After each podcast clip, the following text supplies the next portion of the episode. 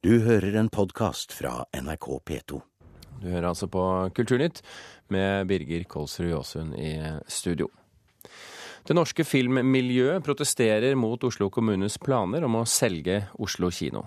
Denne uken blir etter alt å dømme Norges største kinoselskap lagt ut for salg.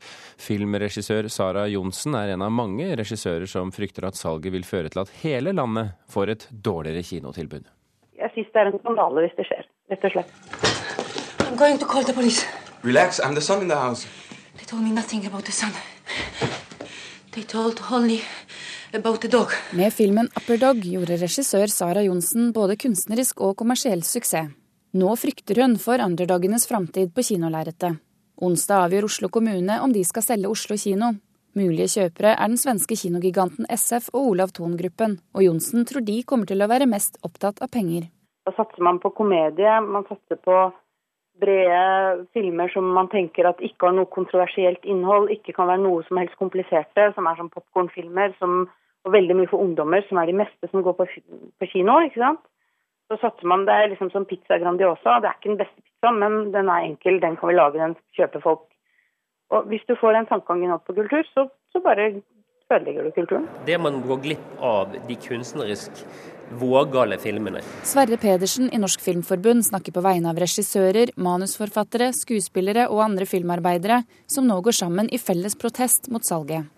Vi har verdens beste kinosystem i Norge, som har eksistert i bortimot 100 år. Pedersen mener salget av Norges største kommunale kino vil få konsekvenser for publikum over hele landet. For kjøper ikke Oslo kino inn en film, er sjansene svært små for at filmen i det hele tatt kommer på kino i Norge. Ay, qué detalles tiene, tía. Mira, con tu nombre y todo. Ville vi ha sett alle Pedro Almodovars filmer på kino opp gjennom årene hvis det hadde bare vært kommersielt, at det før han ble en kjempestor regissør liksom, og, og gjorde liksom blockbustere? Ville vi ha sett de filmene? Ville vi ha sett Michael Hannekes filmer uh, på kino? Regissør Pål Slettaune mener at kommunal drift til nå har sikret en bredde på kino. Det som på en måte Oslo kinematografer har greid, er på en måte å kombinere det å, å vise store filmer og ha, ha en kommersiell kinodrift, uh, samtidig som de har greid å ta vare på de små og mindre kommersielle filmene. Som på en måte er ofte de filmene som driver liksom, filmkunsten videre, og som gjør at ja, som gjør at den utvikler seg. Vårt tilbud står ikke noe tilbake for det tilbudet som er i Oslo. Sier sjef for SF kino i Norge, Ivar Halstedt. SF driver allerede kino i flere norske byer, og eier over halvparten av kinodriften i Sverige. Halstedt sier Oslo ikke har noe å frykte. Og Bredden i antall titler det kommer an på hvor mange saler du har å vise film i.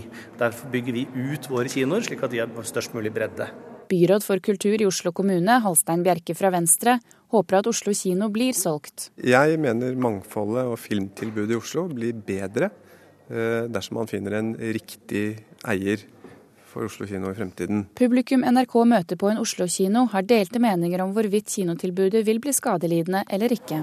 Ja, jeg syns det er fryktelig synd. Jeg liker best de smale filmene. Jeg går veldig sjelden på Hollywood-filmer, så jeg syns det er trist om de smale filmene blir borte. Hvis en privat aktør skal komme på markedet, så må man jo drive etter den konsesjonen man har også.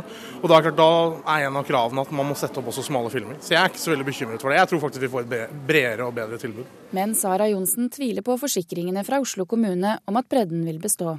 Uansett hva de skriver i forskrifter og avtaler om at ja, men vi skal også satse på ditt og datt og sånn, det, det tror jeg ikke på ett sekund. Dette innslaget det var laget av Ida Kvittingen og Eirin Venås Sivertsen. Erik Poppe, filmregissør. Sara Johnsen, din kollega, bruker sterke ord her. En skandale om det blir salg, sier hun. Hva sier du?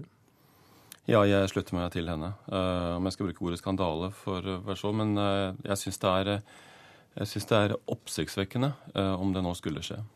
Hvorfor det? Det er kort og godt fordi Oslo kino har i uh, mer enn 95 år uh, representert uh, den største aktøren i et system som består av kommunalt eide kinoer. Kinoer som både skal vise brede filmer og smale filmer. Og deres mandat er større enn det de private kjedene er. De skal selvfølgelig både tjene penger til sine kommuner, og de skal berike publikum med et stort tilbud av filmer som de andre kinokjedene ikke viser. Men hvordan kan dere være så sikre på at filmtilbudet blir dårligere? Det er det ikke vanskelig å se, fordi eh, de samme kjedene driver eh, kinovirksomhet, eh, f.eks. i Stockholm eh, eller i København, eh, hvor de besitter så godt som hele markedet. Og ta bare og Slå opp på en hvilken som helst svensk avis. Gjør det i dag. Og se på tilbudet på Stockholm. Se hvor mange filmer eh, de viser i forhold til Oslo. Eh, antallet er få. Men uh, Ivar Halstedt i SF kino sa jo i denne saken at vårt tilbud står ikke tilbake for tilbudet fra Oslo kino og andre kommunale kinoer. Det er løgn, det, da? Vel, nok en gang, det er ditt ord. Jeg skal ikke si det. Jeg vil bare si at faktum og det, det, daglige tilbudet ser annerledes ut. Han skal ha rett i én ting, at SF kino er i konkurranse med en så stor aktør som Oslo kino. Uh, I en situasjon hvor, de, hvor Oslo kino kjøper inn de filmene som SF kino også da må vise. Men eh, det er i utgangspunktet eh, for meg helt åpenbart at ser jeg på SF kino i Stockholm, så ser jeg noe annet. Og der har de så godt som hele markedet. Øystein Sundelin fra Høyre, leder av kultur- og utviklingskomiteen i Oslo bystyre. Det er dere som nå har fått saken på bordet. Og en av dere har en telefon på her, eh, skjønner jeg. Men Sundelin, hvorfor vil ikke kommunen høre på argumentene fra filmfolk? Jeg syns det er å akseptere de verste skrekkscenarioene, og eh, det er litt irriterende. Og vi kan definitivt slå hverandre i hodet med tall fra København og Stockholm hele tiden. Men uh, det går an å uh, få de tallene til å se ut som at i Stockholm og København har man flere titler, man har billigere kinoer, og man har flere kinoer spredt rundt i byene. Så det er ikke nødvendigvis slik at en kommunal eid kino er den beste løsningen, og det er ikke nødvendigvis slik at det er det som gir oss flest titler. Og jeg tror vi er nødt til å bare se litt på hvordan markedsmekanismer fungerer. Fordi at hvis man driver og eier kino i Oslo, et ganske stort mangfold av kinoer, om man er en privat aktør, så tror jeg man er interessert til å sette opp, eh, ja, selvfølgelig eh, de store eh, salgsfilmene fra Hollywood, men jeg tror for å holde på publikummet sitt, så er man interessert i å også vise de smalere filmene, de bredere filmene og de filmene som skaper de debattene man også av og til etterlyser. Men, men hvorfor mener du at det er riktig å selge Oslo kino når de nå sitter og tjener penger på å drive den? Nå eh, er Oslo kino en forretningsmessig aksjeselskap som også driver kino i en rekke andre byer. Jeg er usikker på om det er skattebetalerne i Oslo sin oppgave å drive kino, eh, både i Oslo og andre byer. Ja, det går med overskudd nå, det er ikke gitt at det gjør eh, til enhver tid. Og B, Oslo vokser nå i, i et rekordtempo. Og da er spørsmålet skal vi nå prioritere kommunale skattepenger til å bygge ut kinoer i byen? Eller bør de kommunale skattepengene brukes eh, til skole og sykehjem? Det er alltid en avveining vi politikere må gjøre, og i dette tilfellet så mener vi at det, finnes, eh, det er bedre prioriteringer vi kan gjøre. Men dere skal jo bruke penger på kulturpolitikk, vi og kino er kulturpolitikk? Definitivt bruke penger på kulturpolitikk, og vi kommer fremdeles til å bruke penger på film. Både i støtte til enkeltproduksjoner og støtte til festivaler. Så det er ikke sånn at vi nå legger film i skuffen som sin helhet, men det å vise frem filmene, det ønsker vi nå at andre enn kommunen kan gjøre. Men bevar meg vel oppriktig talt. Altså, dere tjener penger allerede. Eh, det er en del av den forpliktelsen dere har som politikere, som kulturpolitikere, nemlig å se til at vi kan opprettholde dette mangfoldet vi har. Et mangfold vi har som ikke du finner nesten noe annet sted i verden. Mine kolleger fra Danmark eh, eh, hører om det på filmskolen allerede, dette systemet, og hvordan det er når de kommer hit, og de ser hva de viser på, på kinoer her i Oslo. Så blir de, altså de blir så misunnelige. Dette er noe vi har til daglig. Det, de, det som du ser i København, er at de kjedene viser de samme filmene på hver eneste kino. Altså, Det er faktum. Det er ikke snakk om å slå hverandre i hodet med noen tall. Det er det er det som er faktum. Udiskutabelt faktum. Nei, vi kan diskutere det faktumet frem og tilbake, og det gagner ikke denne debatten. Eh, jeg tror det, det, det dreier seg om, det er at man har mange kinoer, og man har mange saler. Og det er ikke slik at det kommer en ny Harry Potter- eller Batman-film hver uke. Så det er ikke slik at man kan fylle salene med de store filmene hele tiden. Når det er mange kinoer, når det er mange saler, så kommer man til å også få de smale filmene og de brede filmene som her bransjen etterlyser. Men Sundelin, hva kommer dere til å kreve av en kjøper av Oslo kino hva, hva kom, når, det gjelder eh, krav om eh, smale filmer, bredt eh, utvalg? Det kan man gjøre gjennom konsesjonspolitikken. Så kan man sette Kommer visse dere til å gjøre det? Ja, der vil man sette visse føringer for eh, hva som skal vises. Hvilke føringer? Ja, Det er eh, vanskelig å gå inn på sånn sett i, i detalj, men jeg tror Det er ikke veldig vanskelig. Jeg tror, vi skal si kunne, jeg tror vi skal kunne slå fast med 100% sikkerhet, og da ønsker jeg å være like skråsikker som mine motdebattanter er, er skråsikker på at det går til helvete. Og det er at vi kommer til å ha smale filmer, vi kommer til å ha brede filmer, og vi kommer til å ha et godt kinotilbud i Oslo også i tiden som kommer. Og det, eh, det handler om at jeg tror på at det, det fins andre aktører som vil gjøre dette her på en, også en idealistisk eh, måte med tanke på filmens beste. Sundelin, eh, vi påstår ikke at dette kommer til å gå til helvete. Det kommer til å gå på første klasse med selskaper som først og fremst blir tvunget til på slutten av året å lese på, på bunnlinja og se hva handler dette om. Dette handler først og fremst om provitt, og ikke om mangfold. Tusen hjertelig takk, regissør Erik Poppe og Øystein Sundelin, leder av kulturkomiteen i Oslo bystyre. Onsdag blir det altså trolig bestemt at kommunen vil selge. Så kommer det an på tilbud og pris. I dag starter andre runde av rettssaken mot Odd Nerdrum, der kunstneren står tiltalt for grov skattesvindel. I fjor ble han dømt til to års ubetinget fengsel for å ha solgt bilder for 10,5 millioner kroner uten å betale skatt. Nerdrum anket dommen for, fra Oslo tingrett og går for full frifinnelse i Borgarting lagmannsrett. Forsvareren mener Nerdrum allerede har betalt skatten sin. Vi mener dommen er helt gal. Og vi mener også å kunne vise at eh, Odd Nerdrum har betalt skatt av samme inntekt flere ganger. Vi vil påstå frifinnelse. Sier Nerdrums forsvarer Pål Berg. Nerdrum byttet ut forsvarer Tor Erling Staff med skatteekspert Berg etter nederlaget i Oslo tingrett i fjor. Der argumenterte Staff med at den kjente maleren led av Tourettes syndrom og ikke kunne stilles fullt ut til ansvar for bokføringen. Og Nerdrum sa i tingretten at han ikke kunne klart å male hvis han skulle vært så opptatt av tall. Nå legger Nerdrums forsvar en ny strategi. Denne gang blir det kun prosedert på de skatterettslige. Slik vi ser det, er dette en ren skattesak. Det er aktor Asbjørg Lykkjen ikke enig i. Påtalemyndigheten kan vel ikke helt si at det kan bli en, en ren skattesak. Dette er jo en straffesak. og da Eh, blir vurderingene litt annerledes enn om det er en skattesak. Fra påtalemyndigheten sin side så er det i all hovedsak eh, tilsvarende måte at saken vil bli presentert på med de samme vitnene, pluss at vi da har kalt inn ytterligere ett vitne fra skatteetaten, som kan si litt om hvordan, eh, hvilke regler som gjelder og hvordan man skal forholde seg til dem. Også Forsvaret har kalt inn nye vitner. To av dem skal understøtte argumentet om at Nerdrum har betalt skatt på Island. I tillegg vitner Nerdrums kone Turid Spildo samt kunstekspert Johannes Rød, som skal forklare skadene på 32 ødelagte malerier. Skattestriden har sitt utgangspunkt i disse maleriene, ettersom Nerdrum forsøkte å bøte på skaden ved dels å male nye bilder, dels å legge til side penger til erstatning. Det er penger fra denne perioden myndighetene mener han ikke har betalt skatt av. De har vært ute etter meg siden jeg var 20 år gammel og debuterte, kjære deg. Ja, og mens retten er jo helt, eh, helt uenig med deg. Og, og I et sjeldent intervju med Fredrik Skavlan sa han i fjor at han opplevde at staten var ute etter ham. Så går det jo ut på at de, de finner frem til en person som de bestemmer seg for. Og da er de aldeles grusomme, og de holder på i årevis med disse menneskene. Saken som starter i dag, er ikke den eneste rettssaken Odd Nerdrum er involvert i. Nerdrum har gått i søksmål mot Skatt øst fordi de samme skattemyndighetene som han nå møter i retten, har ilagt ham straffeskatt. Denne saken skal opp i rettsapparatet den 8. oktober. I tillegg har kunstneren ligget i strid med sine egne ved Nerdrum Institute, som mener at han skylder dem penger etter at han sa opp kontrakten med instituttet. Her vant Nerdrum fram i Larvik tingrett i april. Og rettssaken starter i Borgarting lagmannsrett klokken ni i dag. Det er satt av tre dager til den. En sak vi selvfølgelig kommer til å følge her i Kulturnytt. Reporter det var Ida Kvittingen. I går kveld var det Hedda-prisutdeling på Det Norske Teatret i Oslo. Vertskapet tok eh, fire av i alt ni Hedda-statuetter, mens Rogaland Teater kunne ta med seg to priser hjem til Stavanger. I kveld kan du skape magi.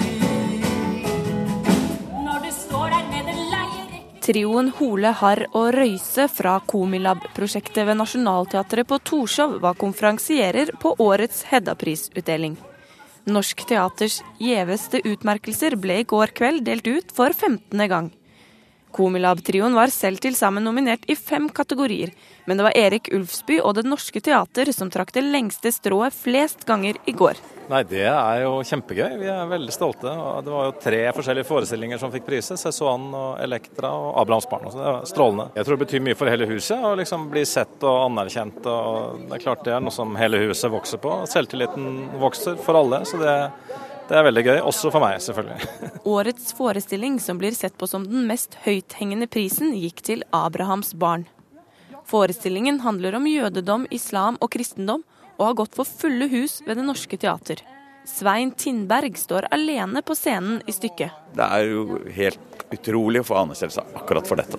Og jeg syns også det er viktig stoff. Det syns jeg jo. Jeg syns det er veldig viktig stoff. Og publikumstilstrømminga viser jo at jeg ikke er alene om å synes det, og det er fantastisk. Forestillingen skulle egentlig gå på scene tre, men ble flyttet til hovedscenen da teatersjefen endret det planlagte programmet etter 22. Og Tindberg mener at nettopp tanker etter 22.07 har ført til den gode mottakelsen blant publikum. Etter bomba i Oslo og etter Utøya, så er det mange som kanskje har tenkt tanken at dette var islamistisk terror idet det smalt. Mange har hatt dårlig samvittighet for den første tanken. Mange flere enn meg har tenkt nå må vi bli kjent med hverandre. Vi må vite litt mer om hverandre. Lås med meg min Hvit kjole sang Mareike Wang 'Min hvite russer' fra forestillingen 'Sonny', som har hatt suksess på Rogaland teater. Teatret var nominert i syv kategorier, og forestillingen 'Misantropen' fikk pris for beste regi og beste mannlige hovedrolle. Prisen får han for sin intelligente tilnærming til en krevende tekst som attpåtil er i alexandriner. Mattis Herman Nyquist gir også æren for suksessen til de andre som har vært med på å forme stykket. Nei, det, men det skal sies. Jeg, jeg, jeg, har jo en slags Jeg må jo ha en selvtillit. Det har jeg. Men det er jo veldig hardt arbeid. Men det er ikke nødvendigvis prisgitt at jeg nødvendigvis er i slaget. Det er veldig mange faktorer som spiller inn. Altså man må jobbe med en regissør som har noe stort på gang, og, og med medspillere som også vil det samme. Det er kun med det sammen at at jeg eller hvem det måtte være som spiller med meg, kan bli noe gode, tenker jeg. Så kan vi også ta med at teaterkritiker og skribent Ida Lo Larsen fikk æresprisen under eh, gårsdagens eh, utdelinger. Reporter her, det var Kristine Amdam. Agnes Moxnes, kulturkommentator her i NRK. Hva forteller disse prisene i år? Det forteller i hvert fall at Det Norske Teatret har all grunn til å være eh, kjempefornøyd. De tok eh, hjemmeseier eh, i går. Det er jo der dette arrangementet foregår, på nesten hovedscenen. Nesten litt uhøflig, faktisk. Det er faktisk nesten litt uhøflig. De tok altså fire av de nye prisene, og de tok også de gjeveste prisene med seg hjem. Så, så teatersjef Erik Ulfsby, som jo har vært på teatret liksom, da, altså litt over et år bare. Han var smørblid i går, ja. Hvorfor er det sånn det ble i år? Jeg tror det har noe med selve ensemblets uh, situasjon å gjøre. Hele humøret på teatret. Ane Dahl Torp uh, sa da hun fikk uh, pris som beste skuespiller i går, at på Det Norske Teatret ville hun være til hun gikk av med pensjon. Så det sier noe om hvordan det er å være på det teatret. Eh, og at det drives eh, godt for tiden. Og det merkes også på, på kvaliteten på stykkene. Og jeg vil jo tro at eh, andre teatre, som eh, f.eks. Nationaltheatret, eh, går, jeg gikk hjem i går kveld og tenkte hva var det egentlig som skjedde her? Hva er det Det Norske Teatret får til som vi ikke får til? For de fikk jo ikke noe pris, og Trøndelag Teater fikk jo, ikke altså, noe pris. Nationaltheatret skal ha det at de fikk en pris for Komilab-prosjektet sitt, hvor de har altså tre, hatt tre skuespillere som har fått lov til å operere litt fritt. Men de holder på oppe på Torshov helt fritt? Litt satellitt. Det var ikke hovedscenen som vant akkurat? Nei, det var ikke ikke det. Nei. Hva skal vi si om det? Nei, det er jo klart at det er jo, altså det er jo det som er interessant med Hedda-prisutdelingen. I fjor var det de frie scenene som stakk av gårde med liksom tok store slem. Og det gjør jo at teatret må skjerpe seg. De store institusjonsteatrene kom da hardt tilbake igjen i år. Og de teatrene som ikke fikk pris i år, de må jobbe med saken. Fordi Hedda-prisutdelingen har holdt på nå i 15 år. Og for at det skal bli en, en viktig pris, så må det være en pris som folk bryr seg om å få. Og både blant skuespillere og teaterfolk, men også blant oss som publikummere. Og så kan vi jo si at dette var jo en blomst i knapphullet for nynorsken også, siden det var eh, Det Norske Teater som vant. Mm. Skal vi legge noe i det, eller skal vi bare si at det er bra?